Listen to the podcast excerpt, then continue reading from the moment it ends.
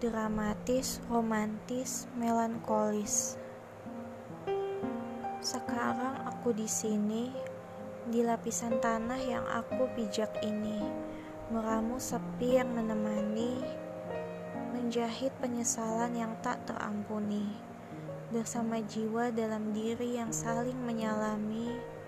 Aku menanti apa yang selalu dikatakan oleh sang mati tentang keabadian yang penuh misteri, juga tentang pengertian akan kehidupan yang mumpuni, yang tak terlihat oleh mata telanjang, yang tak terjama oleh pikiran yang tumpul, yang tak terdefinisi oleh perasaan mana pun di bumi ini.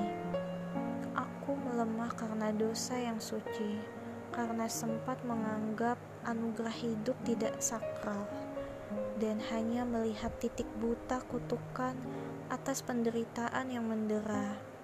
Mungkin aku terlalu melankolis dengan cita rasa romantis yang dramatis. Namun aku tidak ingin membuatnya semakin menjadi-jadi. Ranah logikaku masih mampu bertumbuh lebih dari ini.